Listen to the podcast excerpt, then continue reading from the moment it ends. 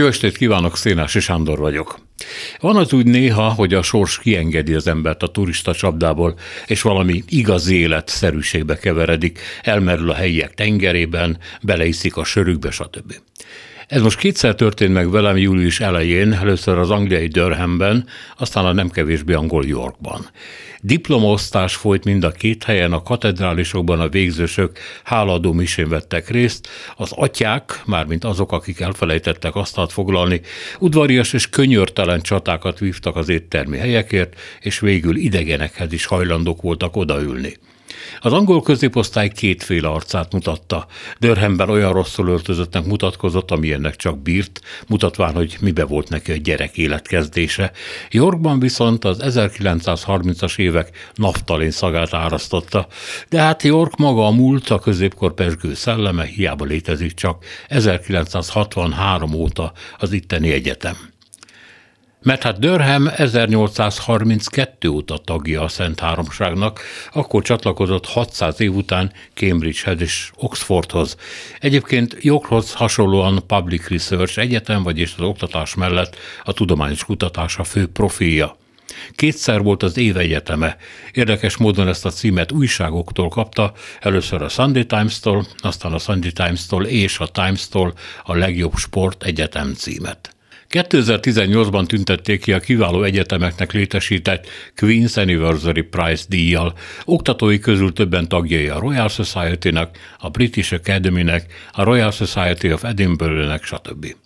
A QS University ranking szerint a 78. a világrangsorban, tehát híres előkelő. Ahogy York is a maga 162. helyével a Cockorelli Simons londoni minősítő szerint. Mégis veszélyben van mind a kettő. A Yorki Egyetem bevétele 2021-22-ben elérte a 459 millió fontot, ebből 80 millió volt adományos szerződéses, tehát céges kifizetés, a kiadásai viszont jóval meghaladták az 500 milliót. A lyukak betömködése folyamatos. A helyzet ugyanis az, hogy az angol középosztály az, amelynek tagjai olyan megkönnyebbülten parádéztak Durham és York régi terein, már nem nagyon bírja fizetni az oktatási költségeket, és egyre kevesebb gyereket irat be az egyetemekre. Ezeknek a csődje tehát egészen biztos lenne, ha nem állna helyt 20-25 százalékban a több mint fizetőképes kínai, arab, orosz, török és bizony egyre nagyobb mértékben indiai középosztály. Létszámukat tekintve nyugodtan meglősorolhatjuk, hogy az indiai lesz az új kínai a Szigetországban és a kontinensen is.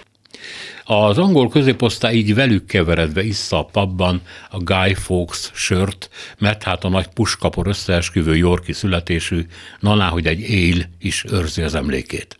Bár a kínai-indiai szülőknek ez mindegy.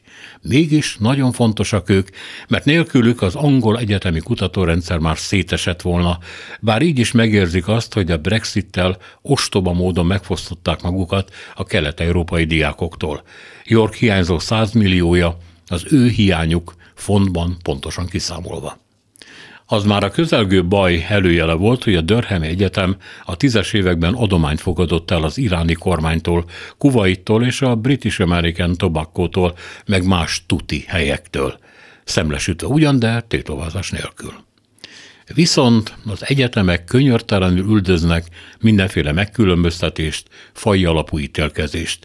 Minden cinizmus nélkül mondom, az angol középosztályi gőg valaha volt ormai, enélkül ma már csak romok lennének.